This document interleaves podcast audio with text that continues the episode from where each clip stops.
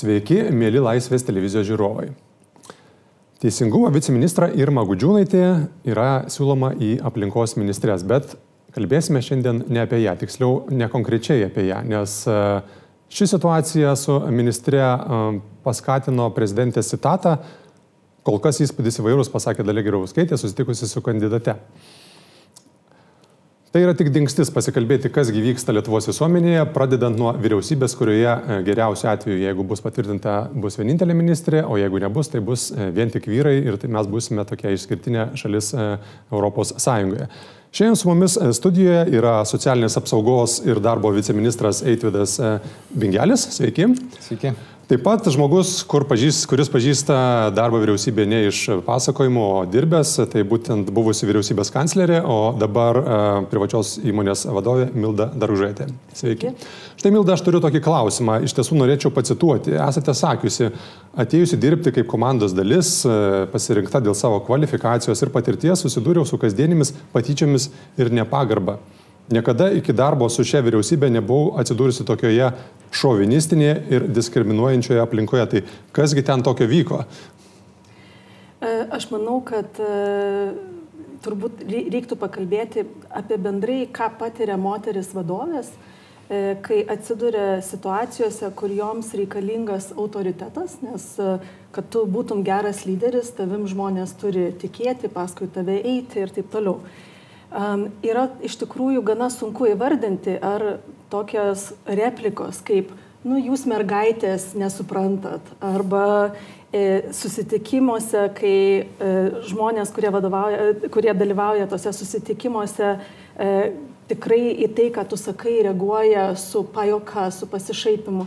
Ar tai yra reakcija į tave kaip į vadovą ar vadovę, ar tai yra reakcija todėl, kad jie savo tą gali leisti dėl to, kad tu esi moteris ir apskritai moters autoritetas nėra taip gerbiamas kaip, e, kaip vyrų. Ir tai yra gana sunku įvardinti, bet kas galėtų pasakyti, kad čia gal yra visiškai nesusijęs su problema, ar, tai, ar tu būtum vyras ar moteris, tavim taip pat elgtųsi. Tai už tai e, yra daromos įvairiausios studijos, yra e, tyrinėjimai, kaip iš tikrųjų žmonės reaguoja į tokioje pačioje pozicijoje tą patį dalyką darantį ar sakantį vyrą ir moterį. Ir tai yra pagrysta, kad būtent moterų autoritetas yra mažiau gerbiamas, kad reakcija į tai, ką moteris pristato, kai jos daugiau kalba ar kalba su autoritetu, e, į tai yra reaguojama, kad ji yra agresyvi, E, ją reikia iš tikrųjų pastatyti į vietą ir taip toliau. Tai tą aš patyriau, būdama vyriausybėje, daug daugiau negu bet kurioje kitoje aplinkoje, kurioje esu buvusi iki tol. Tai ten, tuose rūmose jautėtės, kad tai yra mačio tvirtovė, ne? Tokia su ilgom, giliom tradicijom Tikrai. ir mhm. moteris, kurios ten vis gal galima rasti jų ten, ne? Viena kitą. Taip. Jos yra prisitaikiusios ir tas labas mergaitės, kas naujo joms yra, kas čia flirtas ar, ar, ar kažkoks toksai ritualas įprastas? Paprasčiausiai susitaikė su tą mintim, kad e, ne tai, kad su mintim, bet pripratę prie tokių replikų ir neįma į tai kaip į kažkokį tai įžeidimą, ar kad, tai, kad, kad jų nuomonė yra gerbiama mažiau negu, sakykime, tokio, e, tą, patį sakančio, tą patį sakančio vyro nuomonė. Tai e, moteris paprasčiausiai pripratę ir taip komplimentai nuolatos moterim yra žarstomi, kas tai atrodytų visiškai, tai nu, nieko tame nėra blogo, kad moterų išvaizda yra pagiriama. Bet kai tu esi susitikime, kur ta, man nėra aktualu, kad mano išvaizda pagirtų, man yra aktualu, kad mano nuomonė gerbtų. Tai bet kokio vyro replika apie mano išvaizdą iš tikrųjų mane šiek tiek pastato į vietą ir mano autoritetas tame susitikime automatiškai sumažėja mm. ir mano žodžio svoris automatiškai yra mažesnis. Aš bandau suprasti vidaus reikalų ministrą, kuris e, irgi repliką tam tikrą paleido, kuris tarsi tęsdamas, na, jūsų akimi žiūrint tokią blogą tradiciją, pasakė, kad smagu, kai yra kabinete moteris, mm, na vis tiek e, nuotaikos kitokios ir kalbos kitokios. Aš manau, kad jeigu premjeras rinksis ir tai bus moteris, tikrai kabinetą papuoš. E, na, kaip, kas dar puošia kabinetą vyriausybėje? Gėlė, moteris, koks nors plazma ekranas. Aš tai manau, kad šitoje visoje situacijoje situacijoje, kai e, ne, pakol kas nėra nei vienos moters ministrės, tai yra labai gerai, kad mes apie tai diskutuojame ir iš tikrųjų, kad parodo tokį veidą tiek premjero komentarai, tiek ministro komentarai, kaip jie iš tikrųjų žiūri į moteris. Ir ką reiškia ministrų kabinetą papuoš moteris? Moteris, kuri yra pasiekusi karjeroje tokį lygį, kur jai nebaisu eiti į vadovauti ministerijai ar vadovauti kanceliarijai. E, aš nenoriu, kad į mane net galvotų, kad aš esu papuošalas. E, mano tikslas yra, kad mane gerbtų kaip specialistą, mane gerbtų kaip profesionalę, mane gerbtų kaip lyderę, o ne galvotų ir replikuotų nuolatos apie išvaizdą, e, leistų kažkokius juokelius ir tada pasakė kažkokius juokelius, kurie tikrai žemina, sakykime, moteris, eitų, oi atsiprašau, mes čia turbūt negalim tų juokelių sakyti, nes čia vat moteris sėdi ir taip toliau. Tai paprasčiausiai parodo į požiūrį, ką, reiškia, ką jiems moteris iš tikrųjų reiškia, kokia yra vieta moters jų namuose, vyriausybėje, visuomenėje Galų galia visuomenėje. Vat visuomenėje. Aš iš tiesų norėjau pastirauti, ponė Bengelį, e, jūsų ministerija veikia socialinės apriepties e, departamentas, o jame yra lygių galimybių skyrius. Ir tame skyriuje dirba berot septynios e, moteris, o jūs ir kaip ir kūruojate tą skyrių. Tai yra iš tiesų daug žadantis dalykas, kad yra toksai skyrius lygių galimybių. Ką jis ten veikia ir, ir, ir, ir ką jau nuveikė iš tiesų.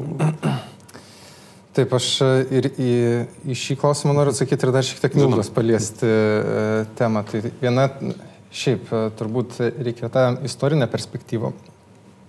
Atsiprašau, mūsų imti. Mhm. Iš tiesų, istorinė perspektyva ja. yra tai, ko mes čia susirinkom aiškintis, nes mes čia ne iš dangaus nukritos tokia situacija. Labai daug valstybių susiduria su to, kad šiaip politikoje dalyvaujančių moterų yra labai mažas procentas, labai maža dalis. Tai Vien tik tai šiame Seime tai yra 100, 111 vyrų ir 30 moterų.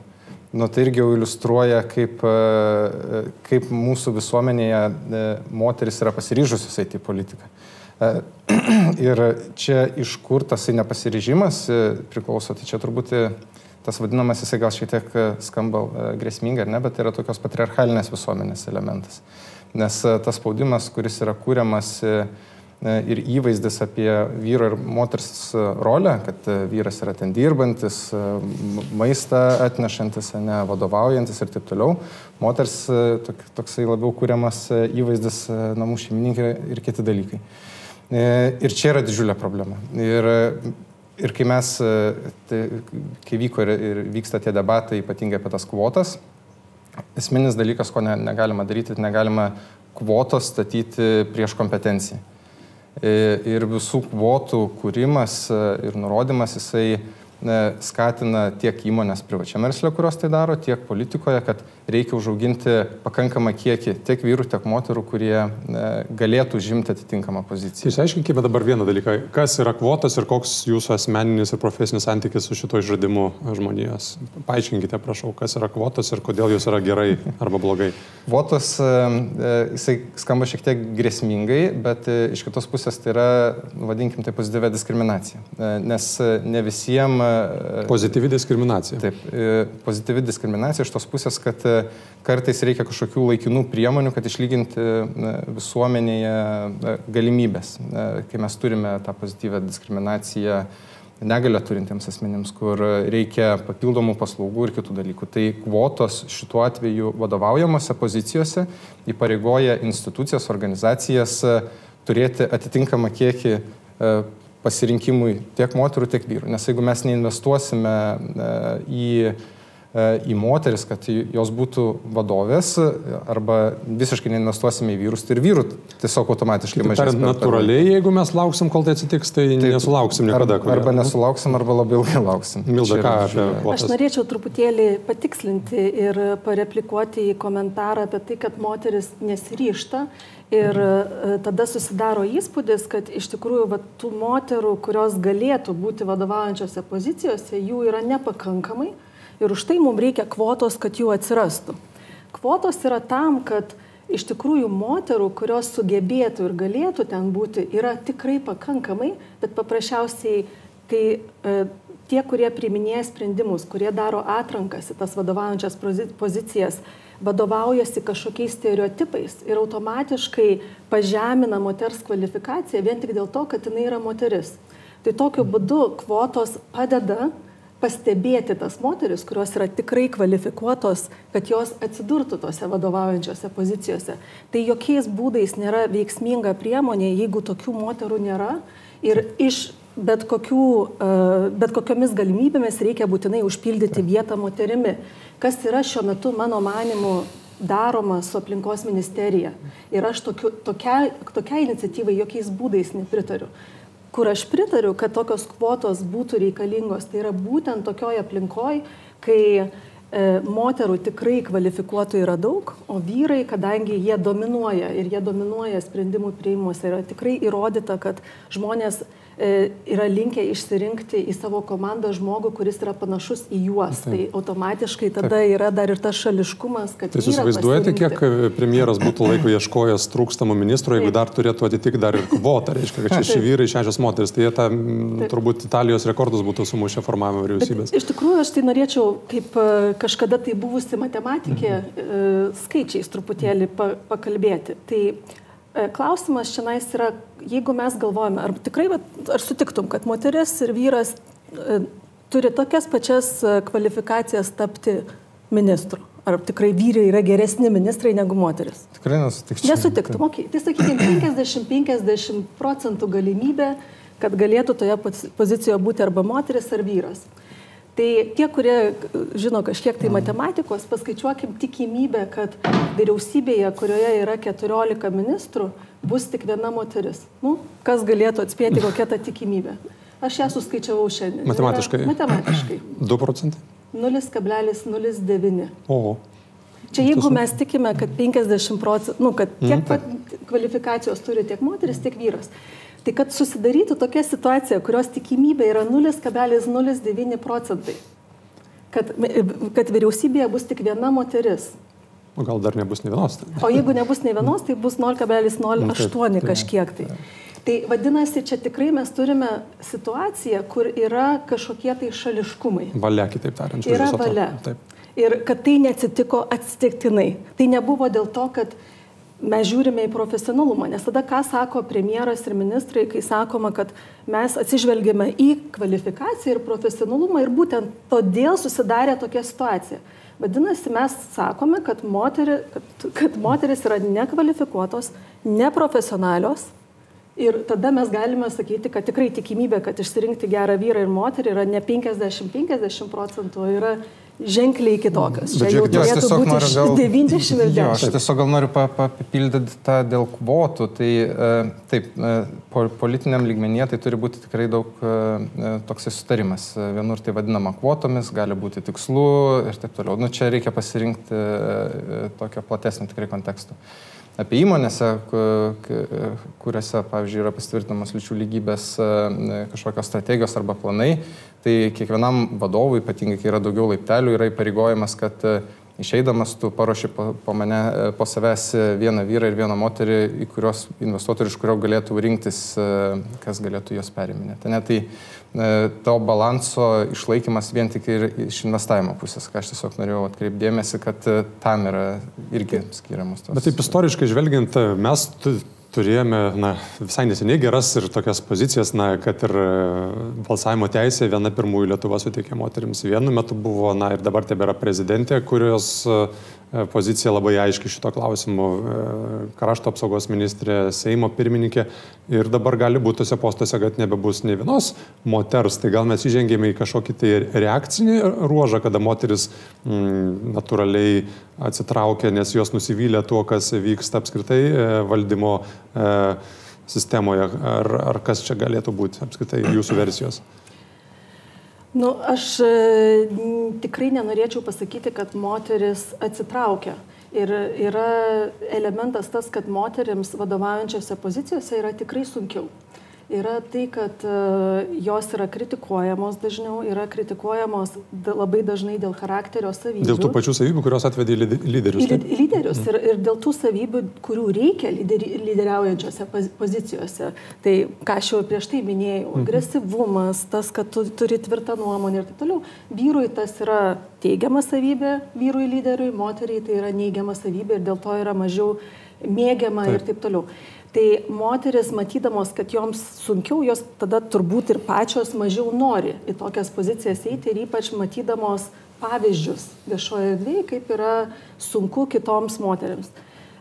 Ir aišku, kitas dalykas, tai mes niekada neturėjome situacijos istoriškai, kur pas mus būtų, galima būtų pasakyti, kad e, tikrai turime absoliučiai vienodas galimybės ir vyrams, ir moteriams, net jeigu ir turime prezidentę moterį ar vieną ar kitą ministrę moterį, vėlgi, jeigu paskaičiuoti pagal tikimybių teorijas ir statistiškai, mes labai labai toli gražu esame nuo lygių galimybių ir, ir, ir, ir, tokios e, pusiausviros.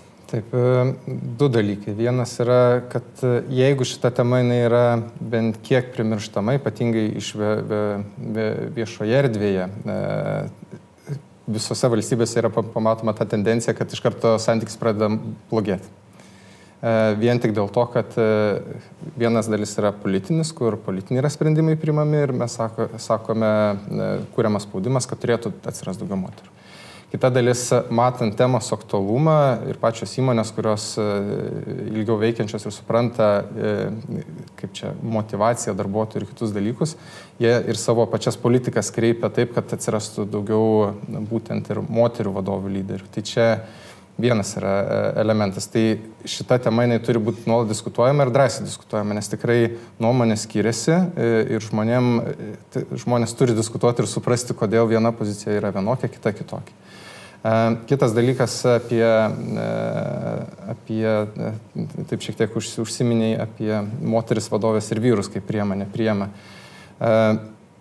Gali būti, kad kartais reikia netgi su, su pačia ir vadovų komanda dirbti ir mokytis tą net atgalinį ryšį teikti, nes man atrodo, kai kuriais yra atvejais nusistovėjusios tokios normos, kad kai vyras vadovas netiek drąsų yra pasakyti, mhm.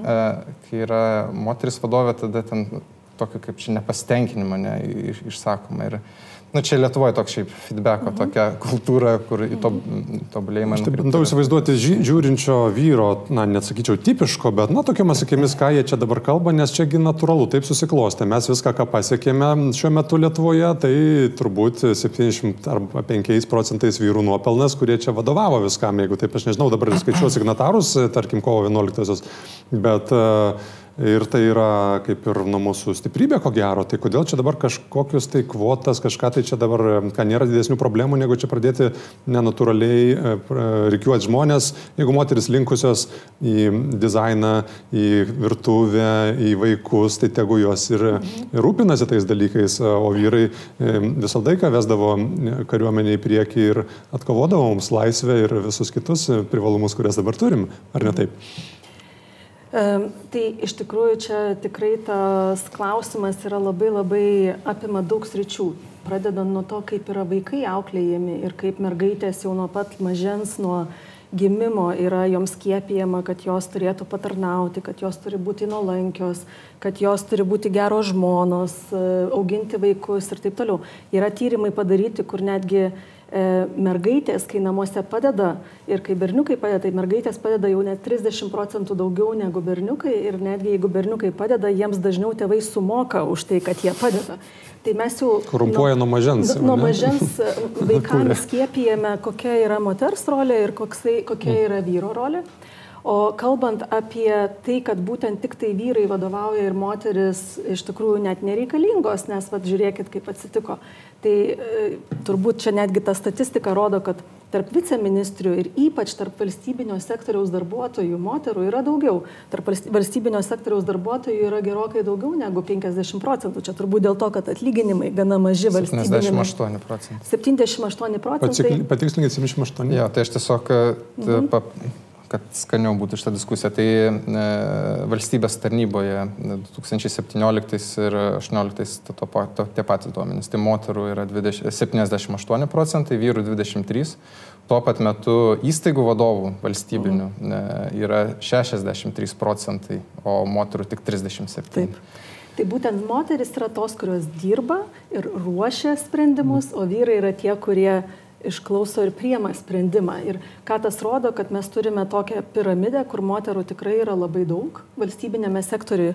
Ką aš ir minėjau, turbūt viena iš priežasčių, dėl ko turime gerokai daugiau moterų, už tai, kad dažniausiai vyrai atsiduria geriau apmokamose profesijose, o moteris mažiau apmokamose. Bet netgi tose, kur moteris dominuoja, kažkodėl į lyderystės pozicijas yra daugiau atrenkami vyrai. Ir ar moteris dalyvauja, kad mūsų valstybė geriau veiktų ir mūsų valstybės statymė, be abejo, kad jos dalyvauja. Klausimas yra sprendimų prieimimuose ir būt, ar mes būtumėm dabar netgi geresnėje pozicijoje. Taip, aš bandau, buvom. norėčiau sužinoti, ką mes galbūt prarandame, nes e, atrodo ir taip gerai, bet, e, na, du pradai - Marsas, Venera, čia e, kariauti, taikytis, tokia galbūt galėtų būti ir valstybė, jeigu taip mhm. pamėginti įsivaizduoti, ką moterų didesnis procentas valdančiose struktūrose lemtų apskritai jūsų manimu? Tai aš manau, vien tik tai nuomonių įvairovė ir skirtingo tokio stiliaus įnešimas priveda prie geresnių sprendimų. E, yra padaryta daug studijų versle būtent ir padarytos apklausos, kur tūkstančiai, dabar beros 29 tūkstančiai e, įmonių peržiūrėta per daug šalių Ir būtent pažiūrėta, kaip įmonės, kuriuose yra kažkoks tai daugiau negu 30 procentų vadovaujančiose pozicijose moterų ir jų finansiniai rezultatai. Ir parodoma, kad iš tikrųjų yra tikrai statistiškai reikšmingas skirtumas, kad įmonės geriau finansiškai yra valdomos ten, kur moterų yra daugiau valdančiose pozicijose. Ir čia tikrai studijos, kur apima labai daug ir sričių, ir, ir, ir skaičių, ir šalių. Kas liečia e, vadovavimą e, vyriausybėms, aišku, tokių studijų kaip ir nėra, bet kas yra parodoma, tai kad pavyzdžiui valdybose, kai ateina nauja, kai ateina nauja moteris, yra keliami kitokie klausimai ir rizikos valdymas pagerėja. E, sprendimai yra daugiau išdiskutuoti ir, ir skirtingų žmonių nuomonių kaip ir viduje vietoj to, kad vienas kitą paantrintų, iš tikrųjų pakonfrontuojama daugiau. Tai įvairovės buvimas e, tokiuose sluoksniuose iš tikrųjų tikrai yra tik tai į naudą. Aš čia galiu tik tai paprašyti režisierius šioje vietoje parodyti e, Švedijos kultūros ministrę Amanda Lind, kurios išvaizda kalba pati už save ir ką praranda visuomenė neturėdama tokių žmonių vyriausybėje, daug didesnės valstybės negu mes, e, galite spręsti patys gerai čia ar blogai. Tai žinoma, kaip čia, vienas toksai labai supaprastintas tas pavyzdys yra, kur e, diskutuojama ypatingai, kai atsiranda tas e, kvotų klausimas, tai jeigu visuomenė yra 50-50 procentų gyventojų, tai kodėl sprendimų prieimimas turi būti sukoncentruotas tik tai į vieną lytį. Ne, ir mes e, tada turime šalis, ypatingai Skandinavo, kurios net turi tą vadinamą gender budgeting kur netgi biudžeto formavimas, jis, jis atsižvelgia netgi į lyties aspektą. E, nes e, tam tikros paslaugos gali būti reikalingos, gal kažkur reikia finansavimas ne, ne, neproporcingai yra pasiskirstęs atitinkamom paslaugom ir taip toliau. Tai e, tas sutarimas, kai yra pilnai visuomenė atstovaujam, ką mes turime Kanados vyriausybėje, ne, kuri ne tik tai lyčių lygybė, bet dar ir, ir šiaip visuomenės ta kaip konstrukcija labiau tokia atspindima. Tai rodo, kad tada sprendimai yra daug labiau subalansuoti. Ir e, kiekvienas iš mūsų, e, ką tikrai kolegos ir tie patys, kurie žiūri e, ir vadovaujantis žmonės, jie priima sprendimus savo darbuose iš savo asmeninės patirties. Visą laiką, nu, tu kaupi žinias, kompetenciją ir labai tikėtina, kad tam tikrų tų situacijų niekad nesipatyręs. Ir dėl to reikia turėti prie stalo, kur yra priimami sprendimai, ypatingai e, svarbus visiems žmonėms, kad e, tos nuomonės būtų dedamos. Gerai, tada jūsų ministerija, koks yra jausmas ten, moteriška energija ar vyriška? Aš taip suprantu, darbą padaro moteris, o sprendimus priima vyrai, nes jūs esate viceministras, kiek dar ten viceministrų dirba? E, Pas mus e, ministras ir vienas viceministras ir dvi viceministras. Na, e, tai, tai toks pusiau balansas, ne išėjo. Na ir kaip jūs priimate sprendimus ten? E? Karštai. Karštai. Karštai. Įsivaizduokit, ten būtų dar du viceministrai, būtų šalčiau viskas? Uh, turbūt būtų irgi kiti, kiti, Čia priklausomai kiekvieną kartą nuo, nuo klausimo. Mhm. Ir, ir kiek tai yra... Na, moterų indėlis, koks ten būna vis dėlto. Jos pagalvoja apie tai, ką jūs nepagalvojate? Aš manau, kad įneša tikrai kitos perspektyvos. Čia, nežinau, imti tą patį dabar labai skambantį vaiko teisų ir, pavyzdžiui, pensijų klausimą. Ne? Vaiko teisės pirminės idėjos, kurios kartais gimsta, sakoma, kad reikia išimti nukentėjusius iš būtent tos nesaugios aplinkos. Bet turi būti visai kita logika, kad tas, kuris yra smurtaujantis, jisai turi būti išimamas iš, iš, iš tos aplinkos, o ne, o ne paliekami tie žmonės, kurie nukentėjo ir juos dar turim kažkodėl iškraustyti. Čia tiesiog vienas pavyzdys. Kitas, daly, kitas pavyzdžiui, pensijos. Kaip ir ką mes tenai bandome dėlioti labiau to work-life balance, šeiminių įsipareigojimų derinimas. Tai irgi per tokį visuomenės konstruktą, kurį dabar turime, kad vaiko priežiūra privalu taip nusistovėjo, lyg tai privalomai kažkodėl moteris turėtų vaiką prižiūrėti. Bet kokia gaunasi iš to situacija, kad moteris, jeigu išeina vaiko priežiūrai, metai du, gal netgi tris pasirinks, uh, jinai nedirba, praranda e, darbinius įgūdžius, jei grįžti darbo rinką yra sudėtingiau. Uh, ir kas negana to dar susikupia, kad jinai dar ir pensiją mažesnė gauna, nes pensija sumuojasi nuo stažo ir nuo atlyginimo. Tai šituos dalykus irgi priminėjant sprendimus ir kas čia ir iš europinių reglamentų atkeliauja, kad e, ir savo viduje norim, kad griežtinti tą privalomą ne tik tai, kad vadintų visi motinystės atostogom, nes pas mus taip yra nusistovėjo, bet iš tiesų, kad būtų tėvystės, kad būtų e, kiek įmanoma labiau pasidalinama. Tai į diskusijas, man atrodo, nu, privalu įtraukti. Čia nu, tiesiog du tokie, e, pa, pa, nežinau, paprasti pavyzdžiai, bet tos perspektyvos tikrai daug daugiau įteikia. Tas pats, kai pas mus, e, nežinau, nu, ne, čia kitas bus pavyzdys. Aš čia ne... galiu tik replikuoti šitą dalį, įsivaizduodamas, kaip jūs dirbate ministerijoje ir kaip bus dirbama vyriausybėje. Jeigu na, bus patvirtinta vienintelė ministrė, tai man toks simbolis e, prieš akis toks, žinot, in ir jan, kur e, juodas laukas ir vienas baltas taškas, arba atvirkščiai, kaip e, ten bus kalbamasi su vienintelė ministre.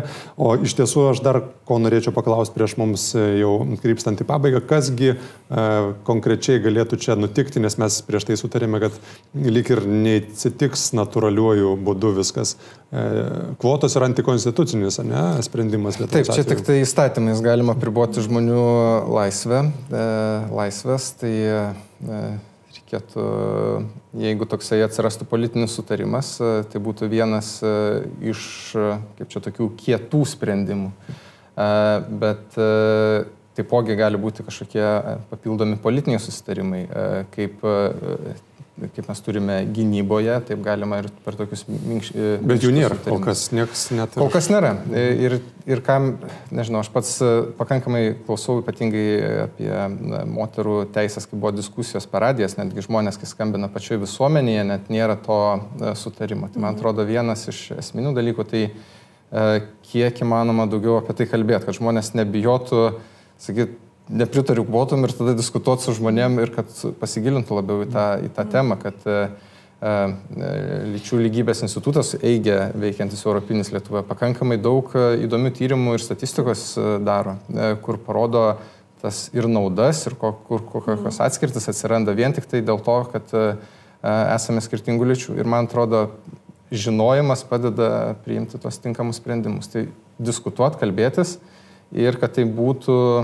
nebijoti, nes čia pas mus kartais yra tos mm. baimės pa, pa, padiskutuoti. Ir kai yra didesnis samoningumas, tada, man atrodo, visuomenė pati būtų reiklesnė šitiem klausimam. Milda, kaip buvusi vyriausybės narė, e, na, kaip atrodo apskritai galimybės būtent šio kabineto šias permainas atlikti? Aš manau, kad galimybė yra, vėlgi naudojant tikimybės nulinė. Mm Ir labai norėčiau pritarti Eitvidui būtent apie tai, kad čia yra samoningumo klausimas. Ir man atrodo, kad labai labai geras dalykas atsitiko, kad vyriausybėje neliko nei vienos moters. Tai yra, kad šitas klausimas pasidarė toksai pirmo puslapio klausimas ir mes pradėjome apie tai kalbėti, nes kitaip mes ne, niekad nebūtumėm apie tai kalbėję, nors ta problema buvo jau čia senai. Tai samoningumo e, toksai didinimas yra labai labai kompleksiška problema, kurią reikia spręsti jau nuo pat vaikystės, šeimose, mokyklose, darbuose, darbo atvarkėse, kaip žmonės atrinkinėjami į darbus ir taip toliau. Man dėl ko aš sakau, kad nulinė tikimybė, kad kažkas dabar pasikeis, tai girdint replikas iš premjero ir ministrų, kad vietoj to, kad jie priimtų šitą situaciją kaip pavyzdį, kad kažkas yra kitai, blogai, kažką mes turim daryti kitaip, yra gynybinė pozicija, kad mes ieškom profesionalų, mes ieškom ir iš tikrųjų tą tą tokį įsisenėjusią stereotipą jie dar labiau gilina, kad moteris nėra profesionalės, kad moteris nėra gabios, nėra tinkamos tokiom pozicijom. Tai būtent šitos vyriausybės, jeigu aš ir matyčiau kažkokias tai pastangas paskirti ministrę moterį, tai yra tik tai fasadas, tai yra tik tai komunikacijos triukas, o ne pripažinimas ir lyderystės pasimimas šitą problemą spręsti. Kągi, dėkoju abiems mūsų pašnekovams. Šiandien su mumis buvo socialinės apsaugos ir darbo viceministras Eitvidas Bingelis, taip pat buvusi vyriausybės kanclerė, dabar privačios įmonės vadovė Milda Dargužaitė. Mes kalbėjomės apie reiškinį, kuris po storų tinko sloksnių slepia gana nemalonios išvaizdos fasadą. Moteris savo vietą turi žinoti kol kas, bet kaip mes ir sutarėm šitą diskusiją, apie jas reikia ne tik apie moteris, bet apie šitas problemas nuolat kalbėti, nes tik kalbėdami mes įrėmės šiek tiek labiau civilizuotą linkmę. Ačiū visiems žiūrintiems Laisvės televiziją ir primenu, kad paspaudę e, mygtuką subscribe niekada nepraleisite naujienų, o norėdami palaikyti kokybišką turinį laisvoje žiniasklaidoje galite skirti 2 procentus savo gyventojų pajamų mokesčio. Iki kitų susitikimų.